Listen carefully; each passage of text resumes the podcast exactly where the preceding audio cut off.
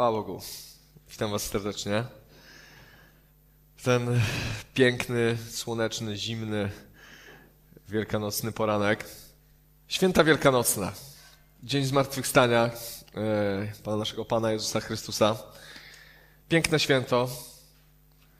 Do mnie przygnęła taka łatka, że nie lubię świąt e, różnych, ale to akurat lubię bardzo. Bardzo się cieszę, że, że możemy to świętować, że możemy przypominać sobie to, co się wydarzyło na krzyżu. Kiedy Pan Bóg wymyślił święta, bo Pan Bóg wymyślił święta, te zapisane w Starym Testamencie, to wymyślił je po to, żeby ludzie mogli się na chwilę zatrzymać, odpocząć od pracy, zostawić swoje obowiązki i skupić się na tym, co się wydarzyło, dziękować za to Panu Bogu i jednocześnie, żeby nadzieja, która, która wiąże się z tymi świętami, to, co Pan Bóg uczynił, na nowo się rozpaliło w życiu ludzi. Czy to było święto Paschy, czy to święto namiotów, czy to święto plonów, pięćdziesiątnica, e, czy to święto e, Dzień Odkupienia, czy to jakieś inne święta, które później e, powstały. Te wszystkie święta miały na celu, żeby człowiek się zatrzymał i skupił się na tym, co się wydarzyło, co Pan Bóg uczynił, co uczynił wtedy i co może uczynić, co jest bardzo ważne dzisiaj. Że to, co się wydarzyło kiedyś, wydarzyło się już, ale Pan Bóg ciągle ma moc pewne rzeczy robić, zmieniać. Kiedy mówimy o zmartwychwstaniu, kiedy śpiewaliśmy tą pieśń przed chwilą, nasz Ojcze Nieskończony, tam śpiewaliśmy, że, że my także zmartwychwstaniemy. Zmartwychwstanie to nie jest tylko to wydarzenie sprzed dwóch tysięcy lat, to nie jest tylko ten dzień, w którym Jezus pokonał śmierć, wyszedł z grobu, i, i go ujrzeli, ujrzało go wiele, wiele osób. Nie, to jest, nie jest to tylko ten dzień, kiedy my sobie przypominamy, co Jezus uczynił, ale wierzymy w to głęboko, że zmartwychwstanie wtedy się zaczęło. I to jest dopiero początek, ale to, ten temat nie, dla nas nie, nie ginie. On się nie, nie zamyka tylko w tym, co się wydarzyło dwa tysiące lat temu. On tak naprawdę wtedy się rozpoczął. I to jest wielka dla nas nadzieja. Postołowie gdziekolwiek chodzili i głosili, gdziekolwiek zwiastowali Ewangelię, gdziekolwiek mówili o Chrystusie, zawsze mówili o zmartwychwstaniu, zawsze mówili o tym, że Chrystus zmartwychwstał. To była elementarna część Ewangelii, którą głosili. Chciałem przeczytać na sam początek e, z dziejów apostolskich 17 rozdziału część kazania, które wygłosił Paweł na Areopagu w Atenach. I on tam powiedział tak. 17 rozdział, 13, 17 e, rozdział 30 wersetu. Pominąwszy więc czasy niewiedzy, Bóg wzywa teraz wszędzie wszystkich ludzi, aby się opamiętali, ponieważ wyznaczył ten dzień, w którym sprawiedliwie osądzi zamieszkały świat. Sędzią będzie człowiek, którego on ustanowił, a dowód na to przedstawił wszystkim, gdy wzbudził go z martwych. Kiedy usłyszeli o zmartwychwstaniu, jedni zaczęli szydzić, drudzy powiedzieli, o tym nam opowiesz przy innej okazji. Apostoł Paweł, kiedy poszedł głosić Ewangelię, to on powiedział tak, Dzisiaj zaczyna się czas łaski, trwa czas łaski. Dzisiaj Pan Bóg wzywa wszystkich, żeby się upamiętali. Dzisiaj Pan Bóg zaprasza wszystkich, którzy, którzy potrzebują zbawienia do siebie, otwiera swoje ręce, ale mówi jeszcze coś ważnego, coś równie ważnego. Mówi, przyjdzie taki dzień, przyjdzie taki moment i przyjdzie taka chwila, kiedy Pan Bóg będzie sądził zamieszkały świat, a tym sędzią będzie człowiek, Chrystus Jezus, ten, który stał, Bóg, który stał się człowiekiem, żeby nas ratować. Bardzo ważne. A dowód na to, że On ma moc to czynić, na dowód na to, a dowód na to przedstawił wszystkim, gdy wzbudził go z martwych. Zmartwychwstanie i to, że Chrystus powstał z martwych jest dowodem tego wszystkiego, w co wierzymy.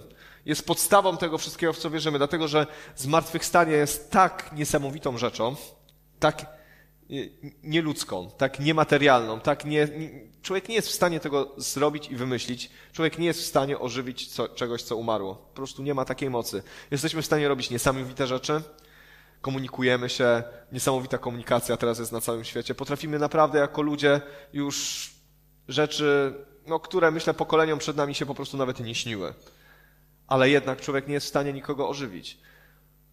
I kiedy Chrystus został wzbudzonych z martwych, kiedy został wzbudzonych w nowym ciele, kiedy został z martwych wzbudzony, pokonał śmierć, to był dowód na to, że to wszystko, co głosił, że to wszystko, co mówił, to wszystko, co, co wylewało się z jego ust, te wszystkie rzeczy, które, które działy się, kiedy stąpał po ziemi, są prawdziwe. Dlatego, że Pan Bóg to potwierdził zmartwychwstaniem, tym, że pokonał śmierć, pokonał to, co dla każdego człowieka jest czymś zagadkowym, nieodgadnionym, trudnym do zrozumienia. Śmierć ciągle fascynuje naukowców, zwykłych ludzi, zastanawia.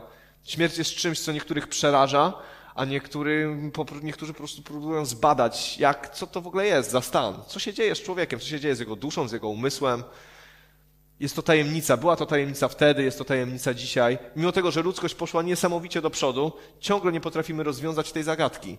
I kiedy Chrystus został wzbudzony z martwych, pojawił się przed Marią Magdaleną, pojawił się przed Piotrem, przed Janem, pojawił się przed apostołami, przed Kleofasem i tym drugim uczniem, który, którzy wracali do Emaus, kiedy pojawił się później przed 500 ludźmi na górze w Galilei, to pokazał tym wszystkim ludziom, to nie są żarty. To jest poważna sprawa. Pokonałem śmierć. Pokonałem śmierć. Dzisiaj, dzisiaj możecie śmiało, z odwagą i z pewnością głosić Ewangelię, dlatego że to, co się wydarzyło, jest przekraczające ludzkie pojęcie. Dobrze, pierwszy list do Koryntian, 15 rozdział, dzisiaj się na nim skupimy. Od pierwszego wersetu czytamy tak. Paweł pisze do, do zboru w Koryncie. Chcę wam też, bracia, myślę, że i siostry, przypomnieć dobrą nowinę, którą wam głosiłem, którą przyjęliście, na gruncie której stoicie i dzięki której dostępujecie zbawienia, o ile trzymacie się słów głoszonych wam przeze mnie, chyba że nadaremnie uwierzyliście. Chcę wam przypomnieć dobrą nowinę, na której stoicie, na której budujecie swoje życie. To jest bardzo ważne. Myślę, że kiedy świętujemy ten, e, kiedy obchodzimy te święta wielkanocne, ja mam wrażenie, że to są święta majonezu. Jak gdzieś wchodzę do sklepu, to po prostu wszędzie jest majonez, wszędzie są jakieś dekoracje, jajka, słodycze. Ale przecież nie o to chodzi w żadnych świętach. Ja wiem, że każdy chce zarobić i to jest normalne przy każdych świętach i w każdej kulturze prawdopodobnie, ale Myślę, że te święta mają nam coś przypomnieć, bo one są fundamentalne dla nas. One mają nam przypomnieć dobrą nowinę, na której budujemy swoje życie. One mają nam przypomnieć, na czym budujemy swoje życie, jakie one, dokąd ono zmierza i jaki jest cel naszego życia. Te święta mają nam pokazać to, co się wydarzyło dla nas i co zmieniło nasze życie, przypomnieć nam, w co tak naprawdę wierzymy i w czym pokładamy swoją nadzieję. Bo tu jest napisane tak. Chcę wam przypomnieć dobrą nowinę, którą wam głosiłem, którą przyjęliście, na gruncie której stoicie. E, z gruntem to jest tak, ale ogólnie po płaszczyznach, znaczy po jakichś powierzchniach, po których chodzimy, że jeżeli idziesz po błocie, albo po lodowisku, albo idziesz po czymś bardzo śliskim i takim niewygodnym, to uważasz, jak idziesz. To każdy twój kolejny krok jest bardziej rozsądny, bo wiesz, że grunt jest niepewny. Możesz się przewrócić, możesz sobie zrobić krzywdę, możesz się pobrudzić. Musimy sobie uświadomić, na, czym, na jakim gruncie stoimy. Co jest tą powierzchnią, po której chodzimy, bo jeżeli jesteśmy pewni, na czym stoimy, po czym idziemy, to wiemy, jak się zachować. To wiemy, na co możemy sobie pozwolić. Wiemy, jakie możemy wykonać ruchy. Czy możesz biec, czy możesz iść, czy możesz podskoczyć, czy, czy tego nie możesz. Powinniśmy sobie uświadomić, po jakim gruncie stąpamy. I apostoł Paweł przypomina Koryntianom. Mówi, ja wam przypomnę dobrą nowinę. A później jeszcze mówi, dzięki której dostępujecie zbawienia. Dostępujecie zbawienia, to znaczy to się dzieje. To, to jest czas teraźniejszy. Dostępujecie, w tym momencie dostępujecie zbawienia. Chcę Wam przypomnieć o tym, że to jest coś bardzo istotnego dzisiaj. Dzisiaj. Ale o ile trzymacie się głoszonych przeze mnie słów, chyba że nadaremnie uwierzyliście. Bo jest dobra nowina, bo wiemy, po czym stąpamy, jeżeli jesteśmy świadomi, bo dostępujemy zbawienia. Zbawienia, które sięga oczywiście poza śmierć, zdecydowanie i to jest pewność e, i, i takie, taka świadomość, że będziemy żyć wiecznie z Chrystusem, ale zbawienie, które dotyka nas już dzisiaj, teraz, w tym momencie, kiedy Pan Bóg nas ratuje, kiedy nas zbawia, bo zbawienie to nic innego jak ratunek. To nic innego jak uratowanie kogoś przed różnego rodzaju problemami. Dzisiaj dostępujemy zbawienia. Czy dostępujecie dzisiaj zbawienia? Czy dostępujecie dzisiaj Bożego ratunku, Bożej pomocy? Tego, że Pan Bóg wyciąga rękę do nas wtedy, kiedy potrzebujemy tej pomocy. On to robi on to czyni. Dzisiaj dostępujemy już zbawienia. Nie w pełni, nie, nie w pełnej okazałości, bo ta pełna okazałość się dopiero objawi, ale, ale dostępujemy zbawienia.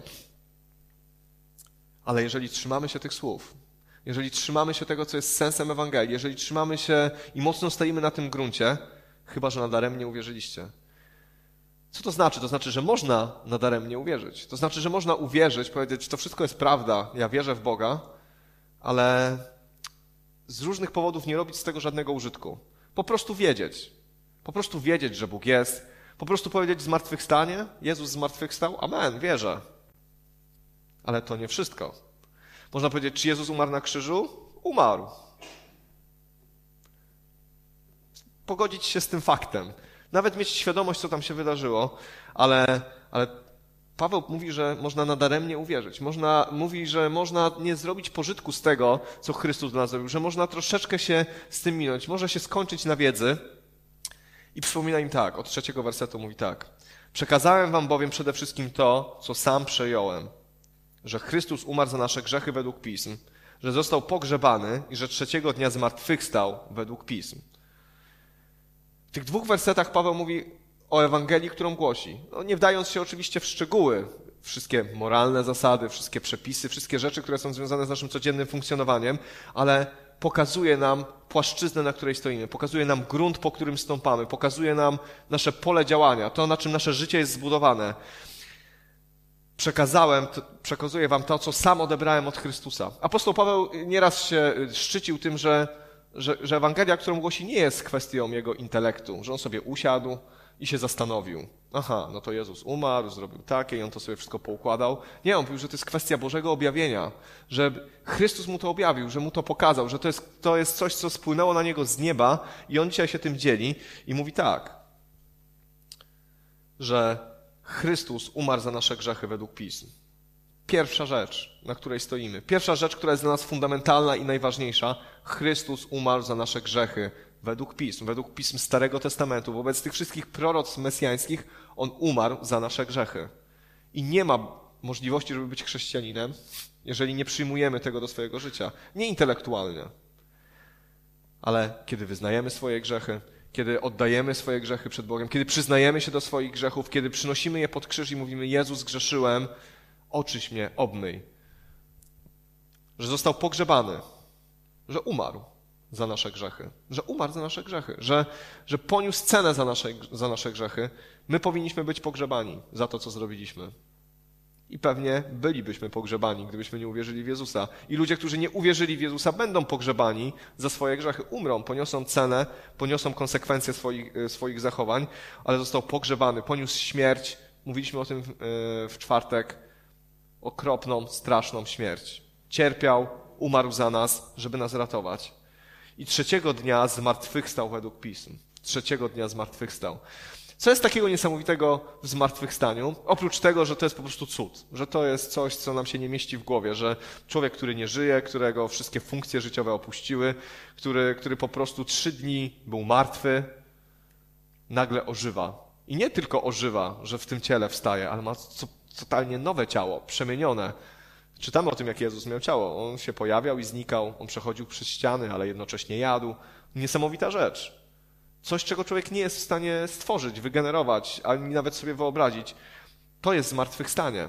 Oczywiście wcześniej ludzie byli wskrzeszani z martwych, Łazarz chociażby, albo chociażby, nie wiem, y, to, ja lubię tą historię o tym człowieku bezimiennym, którego chowali, ale wpadł przypadkiem do grobu Elizeusza odzyskał życie. Czytamy o tym, że kiedy Jezus umarł na krzyżu, kiedy Jezus zmartwychwstał, przepraszam, kiedy Jezus zmartwychwstał, to wiele osób wyszło z grobów. Wyszło z grobów, po prostu. Dostali nowe życie, ale Jezus zmartwychwstał w nowym ciele. W ciele, które nie jest takie jak nasze. W nowym, uwielbionym ciele. I to jest coś, co, co nadaje Ewangelii, którą głosimy, tego tej niesamowitości, tej, tej, nad tego nadprzyrod, tej takiej nadprzyrodzonej mocy, która w tym wszystkim jest, że to nie jest tylko kwestia słów. Apostoł Paweł w jednym momencie powiedział, że Ewangelia, że Królestwo Boże to nie jest kwestia słów, lecz mocy Bożej. Że to jest coś, co dotyka i zmienia. I to nie jest tylko, że my sobie porozmawiamy, to nie jest coś, co tylko sprawia, że my intelektualnie sobie coś poukładamy w głowie, to jest kwestia mocy. Zmartwychwstanie jest kwestią mocy, jest ponad, ponad ludzkie, ponad nasze siły, ponad nawet nasze poznanie Apostoł Paweł, kiedy mówił o zmartwychwstaniu w Atenach wśród stoików i epikurejczyków, to oni powiedzieli, zaczęli szydzić, powiedzieli, no chyba jakby w ogóle o czym do nas mówisz? To się nie dzieje, takie rzeczy nie występują w naturze, tego po prostu nie ma. Będziesz innym razem nam o tym opowiadał. To wszystko, do, do, do tej pory, kiedy mówiłeś o zmartwychwstaniu, wszystko było fajne, ale później jakieś takie to trochę przesadziłeś. Trochę, trochę, trochę cię poniosło. Bo zmartwychwstanie jest czymś takim, że albo w to wierzysz, albo nie wierzysz. Że albo uwierzysz, że Pan Bóg może to zrobić i On to zrobił, albo będziesz mnożył wątpliwości, albo będziesz mówił, jak to możliwe. To jest kwestia wiary, to jest kwestia przyjęcia tego, co się stało. Dobrze, idziemy dalej. Fundament, na którym stoimy, przebaczenie grzechów i dowód na to zmartwychwstanie Jezusa Chrystusa. Dowód na to, że, że to wszystko, co On mówił, co On robił, jest prawdziwe, bo potwierdził to w potężnej, potężną mocą.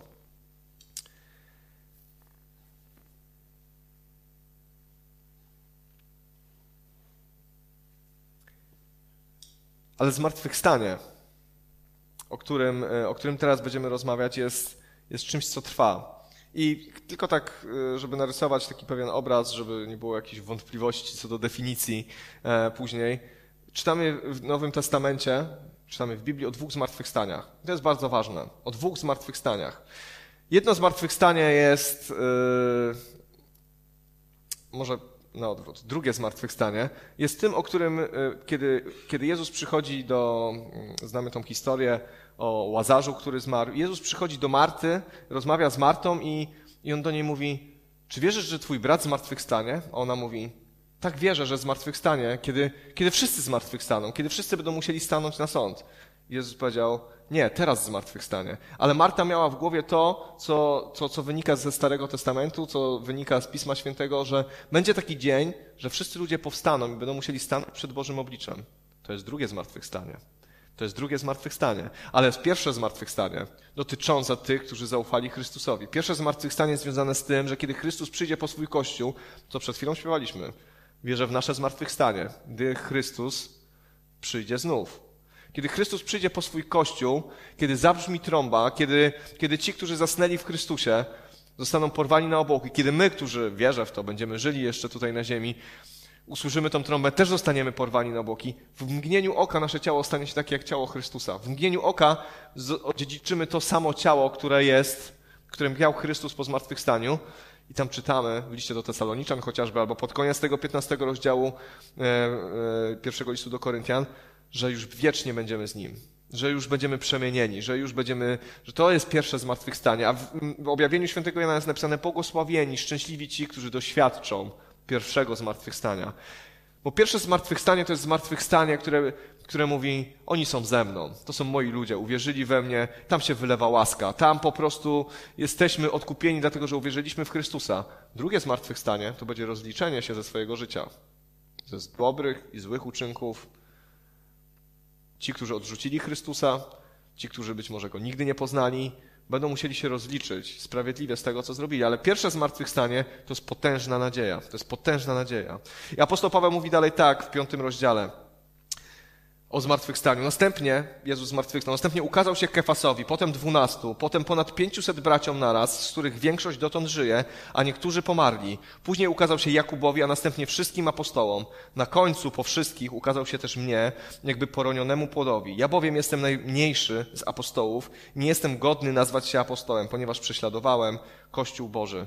Apostoł Paweł mówi o tym, że zmartwychwstanie to nie była kwestia dla zamkniętej grupy dwunastu apostołów i Marii Magdaleny, plus y, może jeszcze jakichś tam innych ludzi, którzy to widzieli, ale mówi, że to było coś, z czym Jezus się wcale nie krył. W czym wcale, wcale się nie krył. Oczywiście środki komunikacji i możliwości wtedy były ograniczone. Nie można było nagrać tego, zrobić transmisji live e, z objawienia się Jezusa na górze e, w Galilei, ale tam było 500 osób 500 osób. I apostoł Paweł mówi o tym, kiedy to pisał, że większość z nich jeszcze żyje. Są realnymi świadkami zmartwychwstania. Ale co tu jest napisane? To Jezus się ukazywał i mówi, a na końcu objawił się mnie. Jezus tego, yy, przepraszam, Paweł tego nie widział na żywo. On jeszcze wtedy był zatwardziałym faryzeuszem. On jeszcze pewnie wtedy zgrzytał zębami albo nawet się cieszył. No w końcu Jezusa ukrzyżowali. Spokój będzie. Być może się tak zachowywał, nie wiemy, ale, ale kiedy to się działo, on jeszcze nie był człowiekiem wierzącym, ale później Jezus mu się objawił. Jezus mu się objawił. On stał się świadkiem zmartwychwstania, bo Jezus mu się objawił. My tego nie widzieliśmy. Ja nie byłem tam. Ja tego nie widziałem. Ja tylko o tym czytam. Ale Chrystus nam się objawił. Kiedy Go poznaliśmy, Chrystus nam się objawił. On, zmartwychwstały, Chrystus przyszedł do naszego życia i od tamtej pory jesteśmy Jego świadkami. Jesteśmy świadkami Jego zmartwychwstania. Apostołowie, kiedy stanęli przed Radą Najwyższą, kiedy oni im zabronili mówić, oni powiedzieli, my nie możemy nie mówić o tym, co widzieliśmy i słyszeliśmy. My nie możemy o tym nie mówić, bo to jest tak wielkie, tak niesamowite, to jest tak potężne, że no, wybaczcie, z całym szacunkiem dla Rady Najwyższej, ale my nie możemy o tym nie mówić. I kiedy Chrystus dotyka naszego życia, to jaki Chrystus nas się dotyka? Zmartwychwstały. Ten, który pokonał śmierć, ten, który zwyciężył, ten, który siedzi dzisiaj po prawicy Ojca, ten, który wylał swojego Ducha Świętego do nas, żeby do nas mówił, żeby nas przemieniał. On jest z nami. Jesteśmy świadkami zmartwychwstania Jezusa Chrystusa. My swoim życiem i swoim zachowaniem mówimy, Chrystus zmartwychwstał. Nie mówimy im, przeczytaj sobie Ewangelię Łukasza, 23 rozdział, jak Jezus zmartwychwstał, tylko my jesteśmy dzisiaj Jego świadkami. Tak jak Paweł, który po czasie, e, po czasie to zobaczył. Ale tak wiele świadków. E, w apologetyce, gdzieś, gdzie ludzie mnożą jakieś różnego rodzaju problemy i podważają wiarę w Jezusa, często takim argumentem jest to, że jakieś wymyślone te zmartwychwstanie w ogóle, że to jakieś takie dziwaczne. Czytamy o tym też, że, że nawet Żydzi puścili taką plotkę, że, że, że to jego uczniowie go wykradli, że to wcale nie było żadne zmartwychwstanie, że to było coś wymyślonego. W pewnym momencie oni nawet powiedzieli do Piłata, weź i idź tam postaw strażę, bo jak oni go wykradną, to drugie kłamstwo, według nich, czyli to zmartwychwstanie będzie gorsze od pierwszego. Że my go ukrzyżowaliśmy, on mówił, że jest synem Bożym, że jest Mesjaszem, ale jak, on, jak uda im się ukraść to ciało i jakby rozejdzie się wśród ludzi, że, że on zmartwychwstał, to to będzie jeszcze gorsze.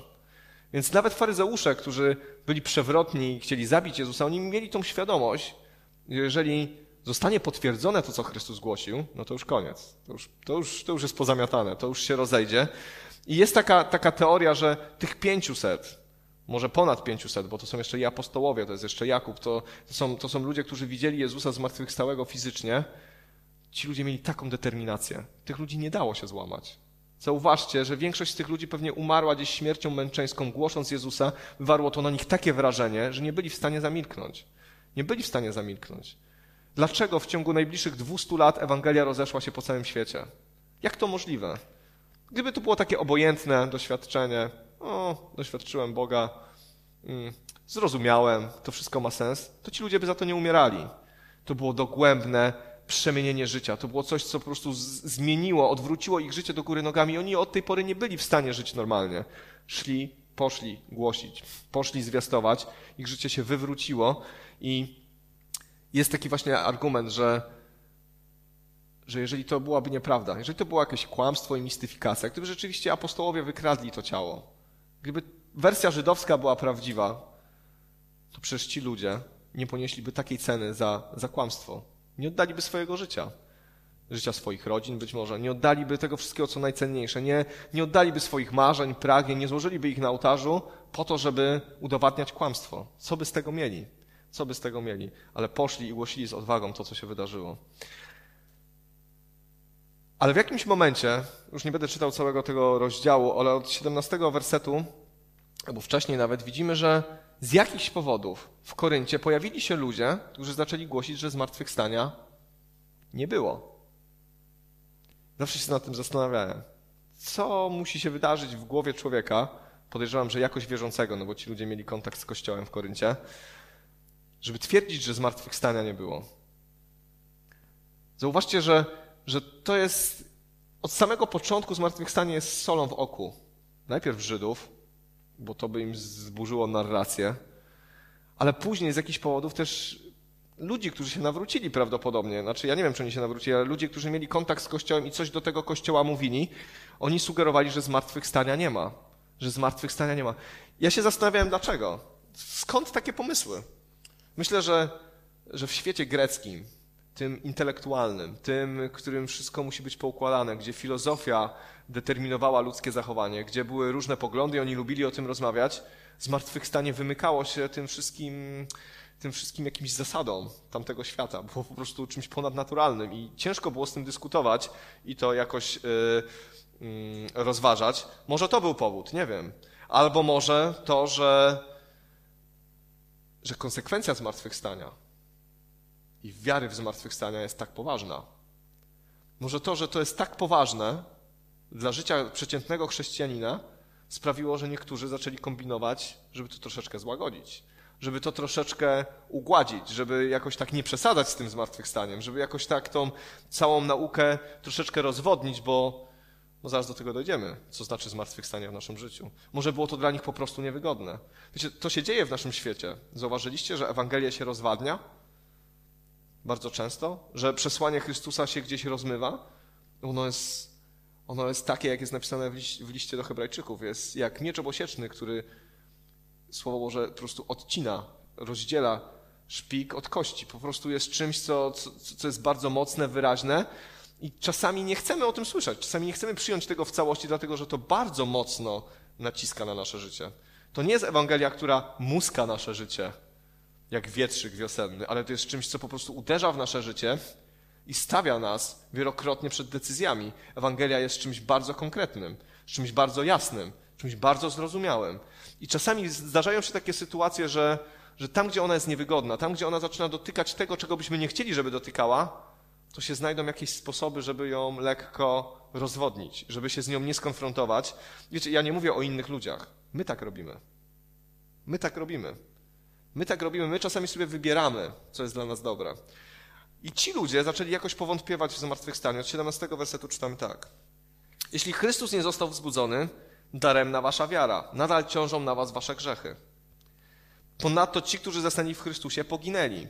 Jeśli Chrystus jest naszą nadzieją tylko w tym życiu, to jesteśmy ze wszystkich ludzi najbardziej godni pożałowania.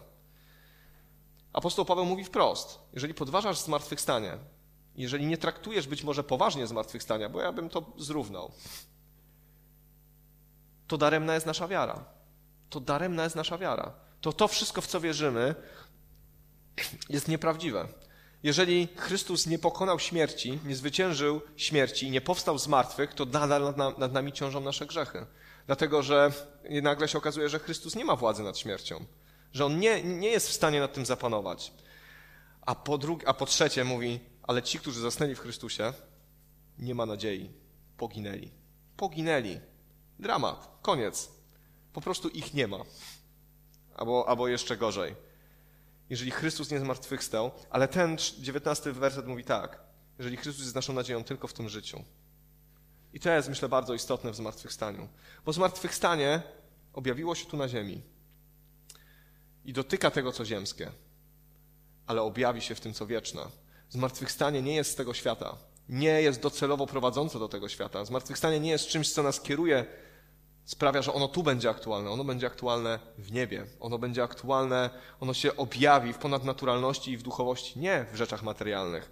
I tu jest napisane tak, jeżeli pokładamy nadzieję w Chrystusie tylko w tym życiu, tylko w tym, co materialne, tylko w tym, że tu mnie boli, tam mnie boli, tu mam problem, tu mam jakieś różne rzeczy, albo tu się cieszę, a tu się smucę. Jeżeli tylko w tym pokładamy nadzieję, to Paweł mówi bardzo brutalnie. Jesteśmy ze wszystkich ludzi najbardziej pożałowania godni. Jeżeli nasza wiara nie wykracza poza to, co tu i teraz, jeżeli nasza wiara nie wykracza poza to, że jestem smutny, to chcę się poczuć lepiej. Jeżeli nasza wiara nie wykracza poza uzdrowienie, poza błogosławieństwo, poza lepsze życie tu na ziemi, to jesteśmy najbardziej pożałowania godni.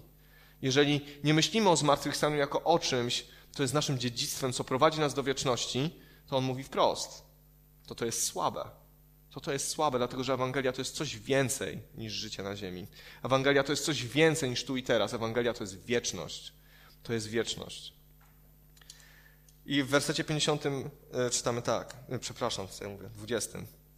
Tymczasem Chrystus zmartwychwstał i jest pierwszym zwiastunem zmartwychwstania tych, którzy zasnęli. Skoro bowiem przez człowieka wkroczyła śmierć, przez człowieka też nadejdzie zmartwychwstanie.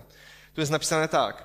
Jezus Chrystus zmartwychwstał. Amen. Wszyscy dzisiaj to mówią. Amen. Jezus Chrystus zmartwychwstał. Wszyscy chrześcijanie świata.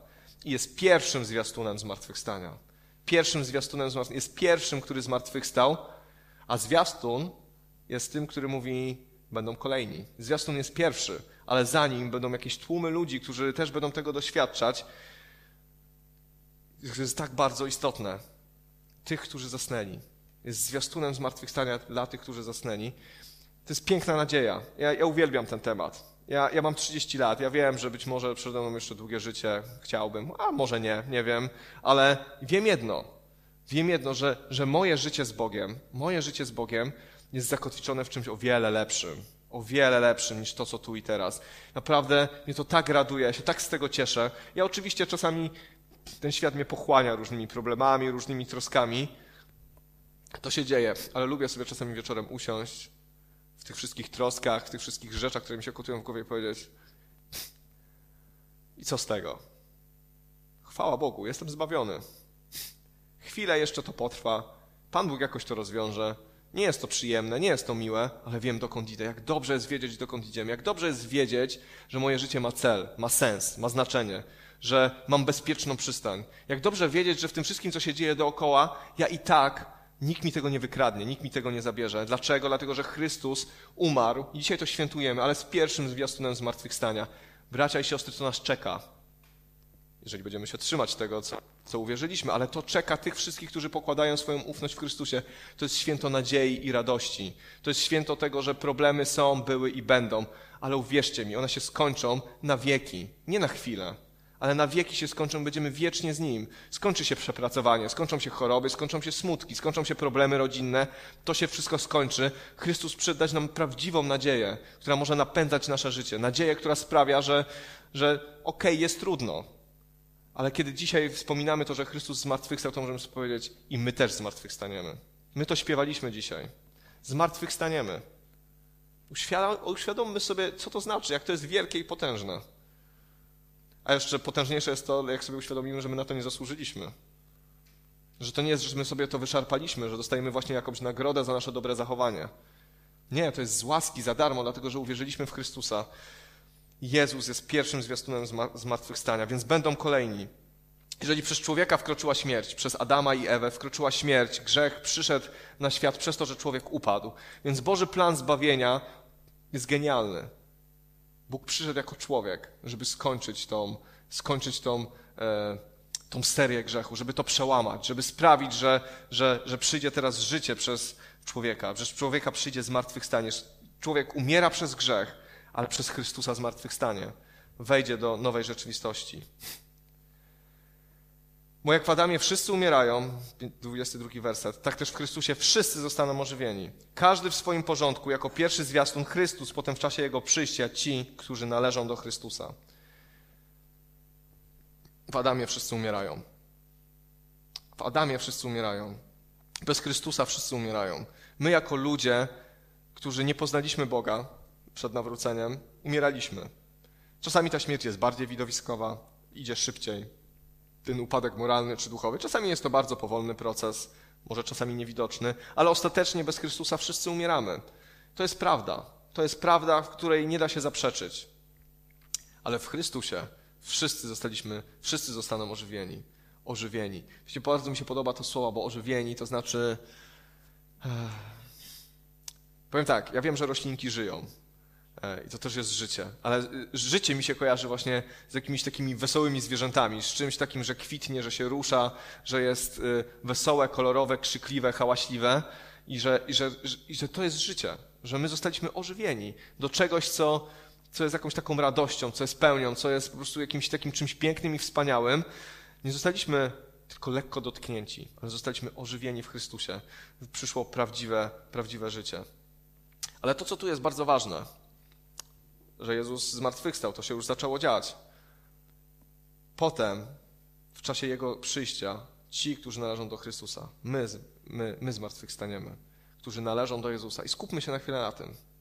Skupmy się na chwilę na tym. Ci, którzy należą do Jezusa. W, w, tym, w tym sformułowaniu należą, myślę, że, że zawiera się jakby takie sedno tego, co to znaczy. Ja przez wiele lat, kiedy dorastałem, straszliwie bałem się pochwycenia. Ostatnio jeszcze rozmawiałem z kimś i potwierdził mi to, że to jest jakaś chyba taka naturalna cecha dzieci wychowanych w kościele, gdzie się głosi o pochwyceniu oczywiście. Ja się bałem pochwycenia, bo ja miałem jakąś taką świadomość, znaczy słuszną, że w sumie to ja się chyba nie załapię. Że ja to chyba nie, nie za bardzo jestem na tyle dobry, e, że ja się załapię na to pochwycenie, że to się prawdopodobnie tak skończy. To było w mojej głowie, że moi rodzice, moja babcia, może moja siostra znikną, a ja zostanę sam. I jakby ja wiem, co tam się później dzieje, wiecie, antychryst, nie? Tam wszystkie te akcje. No nie będzie ciekawie. I jako taki trzynastolatek wracałem do domu i nie było nikogo w domu. Nie było telefonów, żeby zadzwonić, spytać się, czy jesteście jeszcze na ziemi, czy nie. Więc siadałem na schodach i mówię, no to fajnie, ciekawe. Jak za dwie godziny nie przyjdą, no to trzeba będzie się gdzieś chować w lesie i coś zacząć kombinować. I żyłem tak wiele lat takim jakimś dziwnym strachem przed tym wydarzeniem, przed tym, że Chrystus powróci po swój Kościół. Z jednego prostego powodu się tego bałem, bo nie należałem do Chrystusa.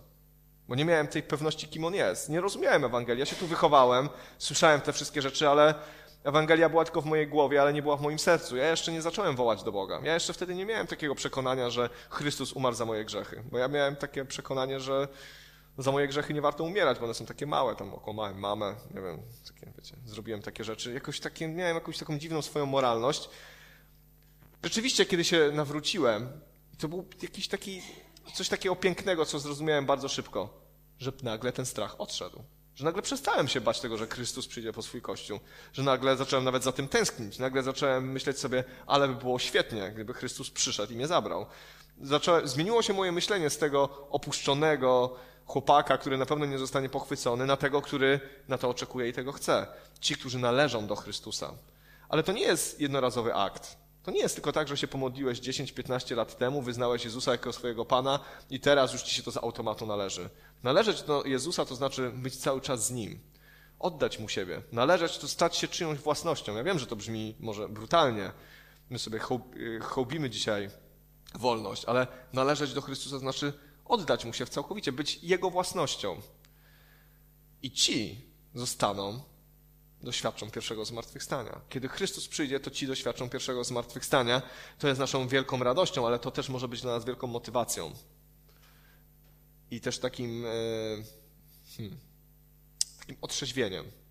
Otrzeźwieniem. Żeby sobie zadać pytanie, czy dzisiaj należysz do Chrystusa? Czy dzisiaj w święto zmartwychwstania Jezusa Chrystusa możesz powiedzieć, że to jest Twoim udziałem? Że to jest też coś, na co czekasz? Że to jest też Twoje święto, bo też zmartwychwstaniesz? Że Chrystus to rozpoczął, ale ty jesteś kolejny, y, następny w kolejce. Czy masz tą świadomość, czy jej nie masz? Czy jej nie masz? Myślę, że to jest bardzo ważne, dlatego że sprawy wieczne jakoś nas ustawiają w stosunku do Boga.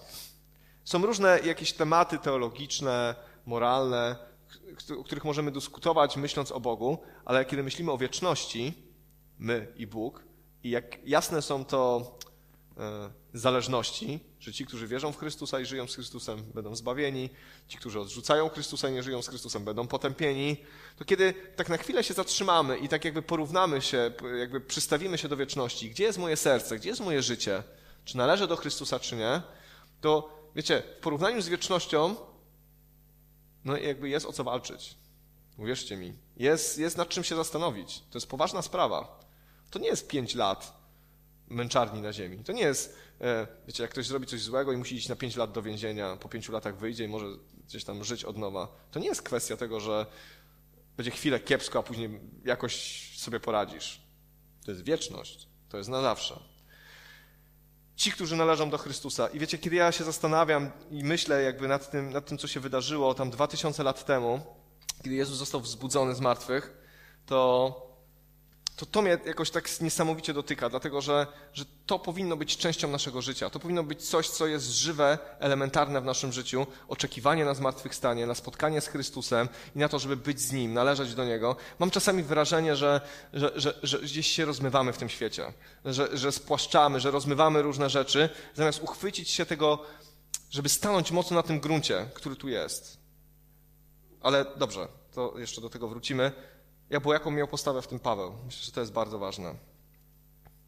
Wracając do zmartwychwstania, od 29 wersetu czytamy ten sam rozdział.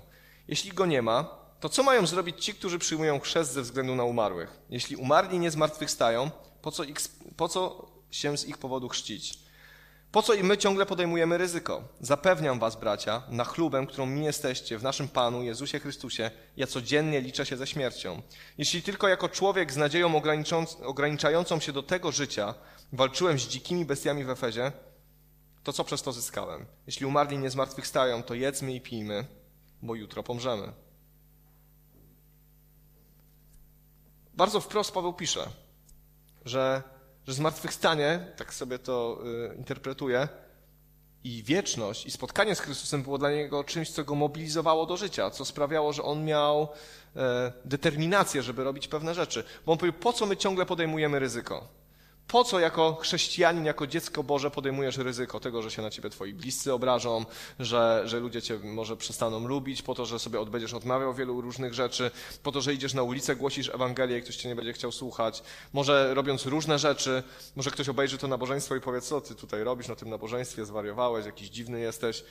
Po co my podejmujemy ryzyko jako chrześcijanie? Bo to jest ryzyko. Czasami trzeba się wyzbyć różnych rzeczy, czasami jest to ryzyko utraty rodziny, bliskich, znajomych. Jest to ryzyko. I Paweł pisze, po co to wszystko? Po co ja jeżdżę po całym świecie i głoszę Ewangelię? Po co ja to wszystko robię, jeżeli zmartwychwstania nie ma? Jeżeli nic mnie nie czeka? Jeżeli tylko tutaj i tylko na chwilę będzie fajnie i Pan Bóg tylko tutaj będzie mi błogosławił, jeżeli nie ma nic więcej, to po co ja to wszystko mam robić? Po co ja, po co ja się z tym wszystkim szarpię? Powiedział tak, ja codziennie liczę się ze śmiercią. Podoba mi się ten 32, e, że, że walczył z jakimiś dzikimi bestiami w Efezie. Wiemy, co tam się w Efezie wydarzyło, że tam wielka jest Artemida Efeska, bunt całego miasta, Paweł, który miał zagrożone życie i, i chrześcijanie, którzy tam e, jakby było blisko jakiegoś linku.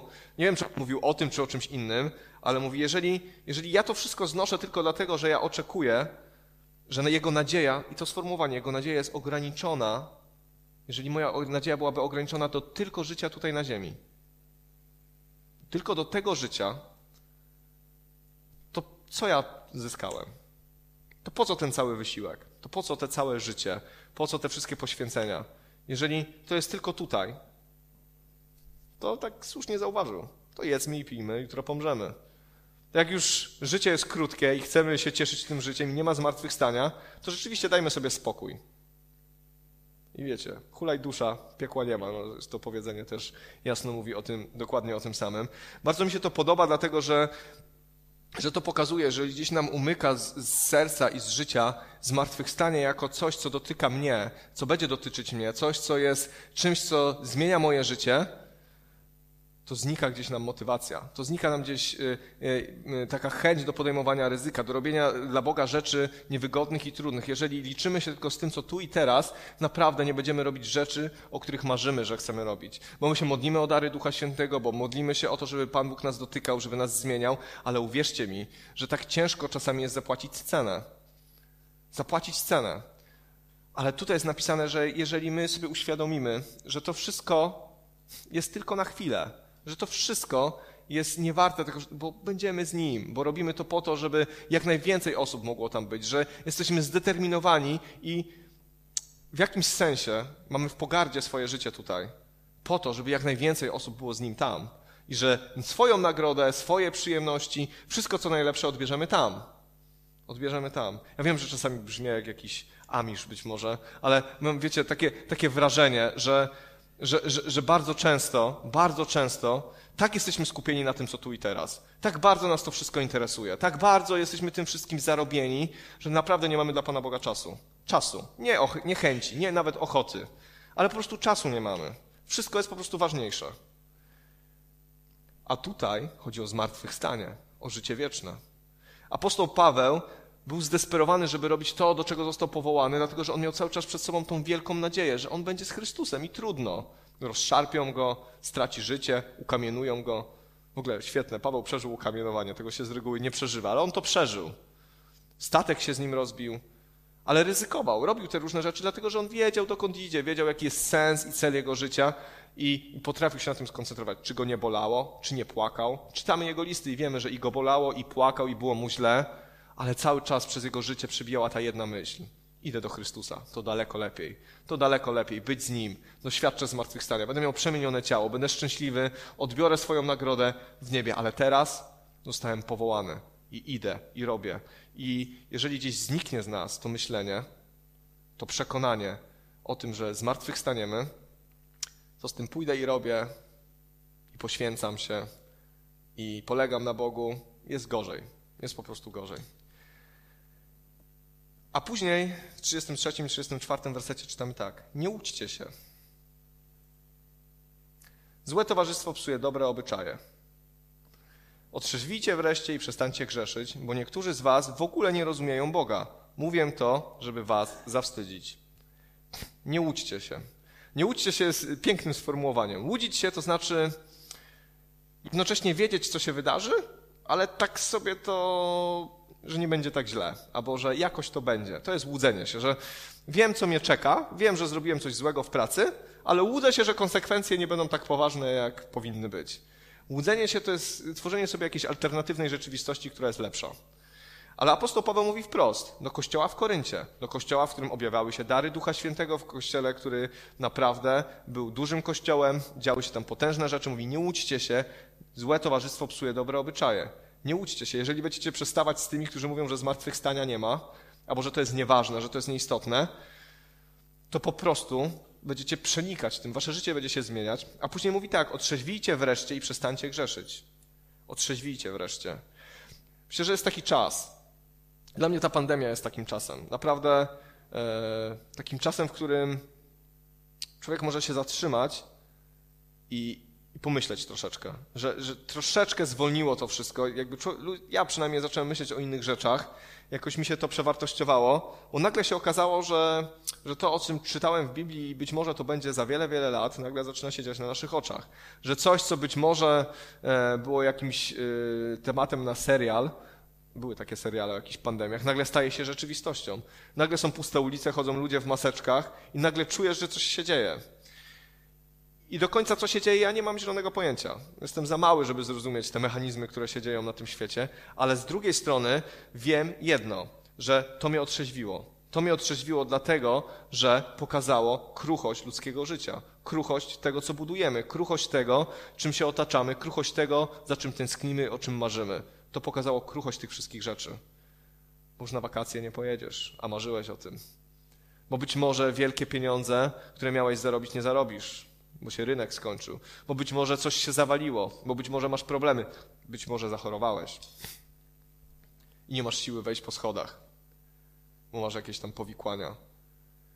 To pokazało kruchość tego wszystkiego, a jednocześnie ta kruchość uwypukla Ewangelię.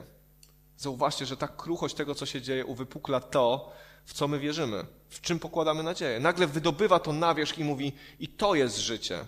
To jest życie. Ten świat, patrzcie, jaki jest kruchy. Pandemia, wirus. I to pewnie nie jest najgorsze, co może nas spotkać, jeżeli chodzi o pandemię i wirus. Pewnie mogą być gorsze, może będą. Ale to pokazuje wagę tego, czym jest zmartwychwstanie, czym jest śmierć Jezusa na krzyżu, czym jest to, w co wierzymy. To bardzo mocno mi pokazało grunt, na którym stoję albo na którym powinienem stać. Wiecie, kiedy zachorowałem i kiedy miałem pozytywny wynik i tam czytałem różne rzeczy niepotrzebnie, tam pierwsze poważne objawy mogą być po dziewięciu dniach, to miałem coś takiego, że jakiś lęk mnie ogarnął. Mówię, no nie wiem, no, mam jakieś choroby współistniejące, co się będzie działo? I miałem jakąś taką dziwną panikę przez, przez chwilę.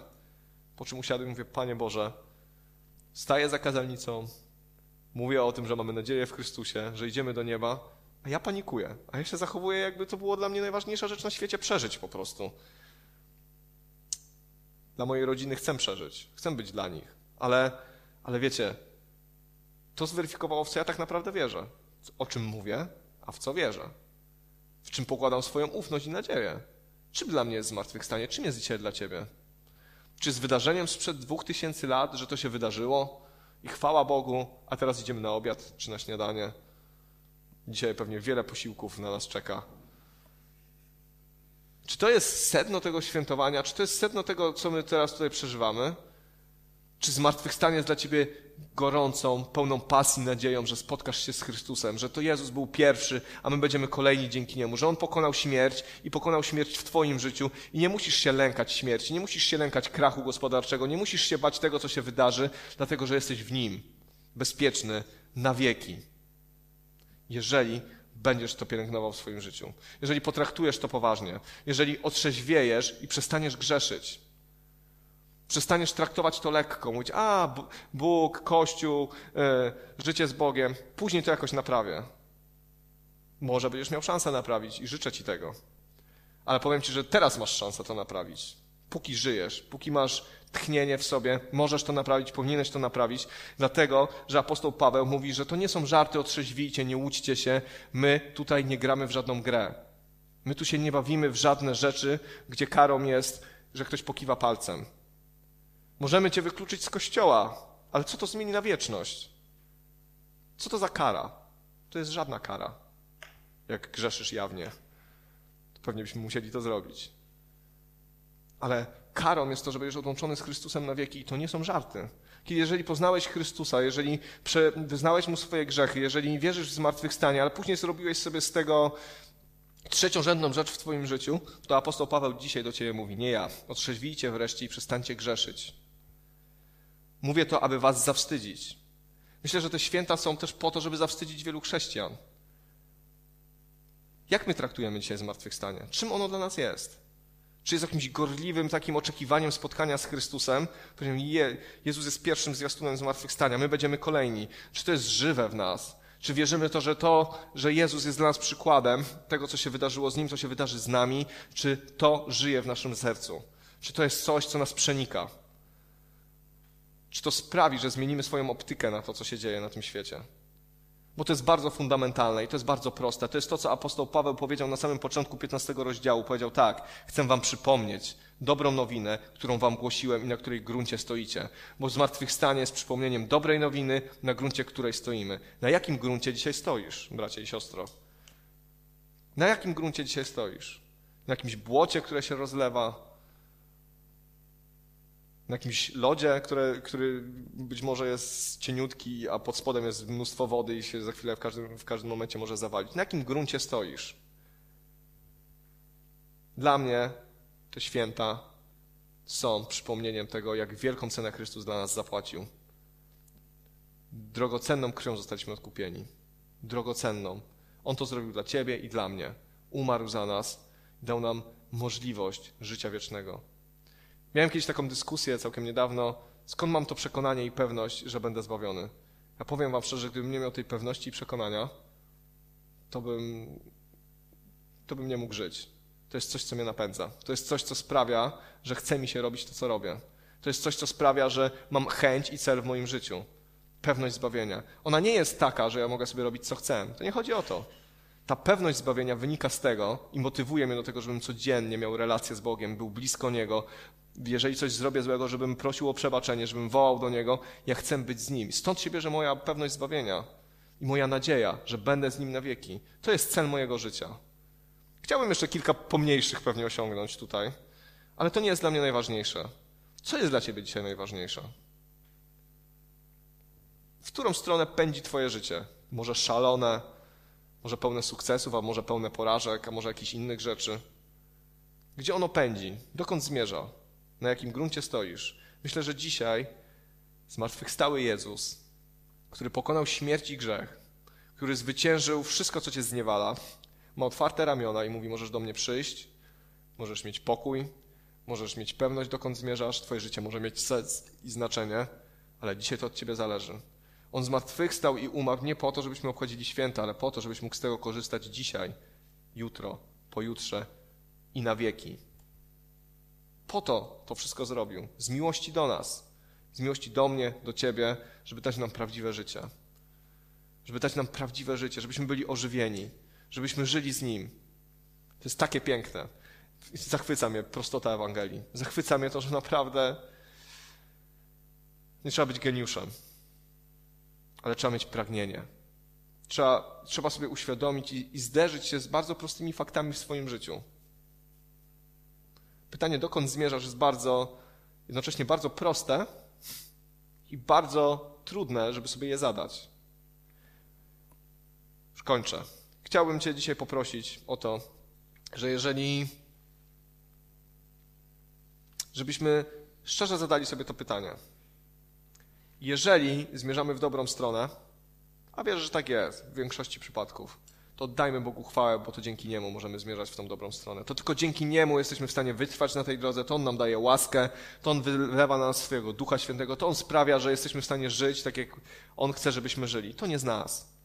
Ale jeżeli masz wrażenie, że coś ci się rozmywa, że gdzieś straciłeś relację z Bogiem, że zmartwychwstanie jest dla ciebie tematem jakimś obojętnym, albo mogę, w ogóle się tym nie przejmujesz, jeżeli nie tęsknisz, żeby się spotkać z Chrystusem, nie ma w tobie tego gorliwego pragnienia i tego wołania pierwszego kościoła Maranata, Chryst...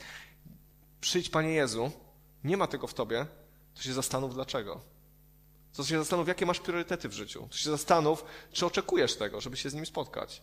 Bo to jest nasze dziedzictwo. Zmartwychwstanie to jest coś, do czego dążymy. To jest nasz cel. To jest to, co Chrystus dla nas przygotował, bo On przyszedł nas zbawić, uratować i dać nam życie wieczne i pokój i radość na wieki, na zawsze w Jego obecności. To jest dla nas, to jest coś, co Pan Bóg przyszedł nam wywalczyć na krzyżu.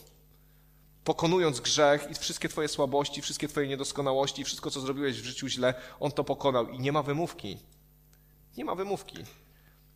Myślę, że nie ma tu takiej osoby, albo która ogląda, która zrobiła coś takiego, czego Ci Chrystus nie wybaczy. Wybaczy Ci, jeżeli do Niego przyjdziesz. I dzisiaj jest ten czas, żeby do Niego przyjść. Dzisiaj jest ten czas, żeby zawołać i powiedzieć, Panie Boże, odnów mnie, ożyw mnie na nowo, odśwież. Niech to znowu będzie pragnienie mojego serca, niech to znowu będzie tęskne wyczekiwanie Twojego przyjścia, Twojej obecności. Niech to będzie coś żywego i prawdziwego. Bądźmy świadkami zmartwychwstania. My bądźmy świadkami zmartwychwstania. Nie czekajmy na kolejny rok, aż będą święta wielkanocne, żeby komuś o tym powiedzieć. Bądźmy świadkami zmartwychwstania. Niech to Boże objawienie na nas spłynie. Zawołajmy. My dzisiaj jesteśmy przez narzędziem w Bożych ręku, żeby temu światu głosić i mówić: jest nadzieja, jest życie. To też jest stosunkowo proste. Zachciejmy tego, zachciejmy tego. Zapraszam grupę, pomodlimy się, uwielbimy Boga. Zapraszam Cię dzisiaj do tego, żebyś otworzył swoje serce przed Bogiem, żebyś zawołał do Niego, żebyś, jeżeli, jeżeli to gdzieś w Tobie umarło, jeżeli w ogóle to jest temat, który gdzieś zszedł z Twojej agendy, jeżeli, jeżeli masz głowę zapchaną innymi rzeczami, ale teraz Duch Święty Cię dotyka i mówi do Ciebie, zrób porządek, to proszę Cię, otwórz swoje serce i zawołaj do Niego. Powiedz, Panie Jezu, proszę Cię, odśwież mnie, odnów mnie, przyjdź do mnie. Apostoł Paweł mówi, otrzeźwijcie, nie łudźcie się i proszę Was, Spójrzmy, jak Ewangelia jest piękna, jak jest potężna i wielka, jak, jak, wielko, jak wiele rzeczy zmienia to w naszym życiu. Uchwyćmy to otrzeźwijmy i chciejmy i zapragnijmy tego, żeby się spotkać z żywym Bogiem. Niech to, co, co w Jego sercu przenika nas. Panie, dziękujemy Ci za to, że Ty zmartwychwstałeś i zwyciężyłeś śmierć, Panie, że Ty pokonałeś śmierć, Panie, że Ty zwyciężyłeś grób, że Ty jesteś tym, Panie, który przyniósł życie, Panie, dla nas, ludzi, którzy być może na to nie zasługują, na pewno na to nie zasługują, Panie, ale Ty przyszedłeś nas ratować, Panie. Dziękuję Ci, że Ty umarłeś, Panie, przelałeś swoją krew, umarłeś za nasze grzechy, Boże, dałeś nam prawdziwe życie i Ty, Boże, chcesz, żebyśmy wieczność spędzili z Tobą, Panie. Dziękuję Ci za to, że Ty tego pragniesz, Panie, że Ty chcesz, żeby, żebyśmy przyszli do Ciebie. Ty chcesz, żeby wszyscy ludzie byli zbawieni, Boże, bo tak jest w Twoim słowie napisane. I proszę Cię, Panie, teraz, żebyś Ty dotknął naszych serc, Panie. Ja proszę Cię, Panie, żebyś odnowił w nas gorliwość, żarliwość, Panie, pasję, żebyśmy, żebyśmy byli ludźmi, Panie, którzy spojrzą na to, co Ty dla nas uczyniłeś, Panie, i się tym zachwycą. I się zachwycą, Panie, i odstawią na bok wszystkie inne rzeczy, które nie są tego godne, Panie. Panie, proszę, niech Twoja Ewangelia, niech dobra nowina nas zachwyci na nowo, Panie. Niech ona, Boże, będzie tym, Panie, co sprawi, Boże, że będzie determinować nasze życie, Panie, że to, że to Twoje słowo, Panie, że to dobra nowina, Panie, będzie zmieniać i determinować, Panie, to, co robimy każdego dnia, że ona będzie wyznacznikiem, Panie, tego, co, co, jak nasze życie ma wyglądać. Panie, proszę Cię, rozpal nas, Duchu Święty, dotknij nas, potrzebujemy Ciebie, Panie, potrzebujemy Ciebie, Panie, w imieniu Jezusa Chrystusa. Amen.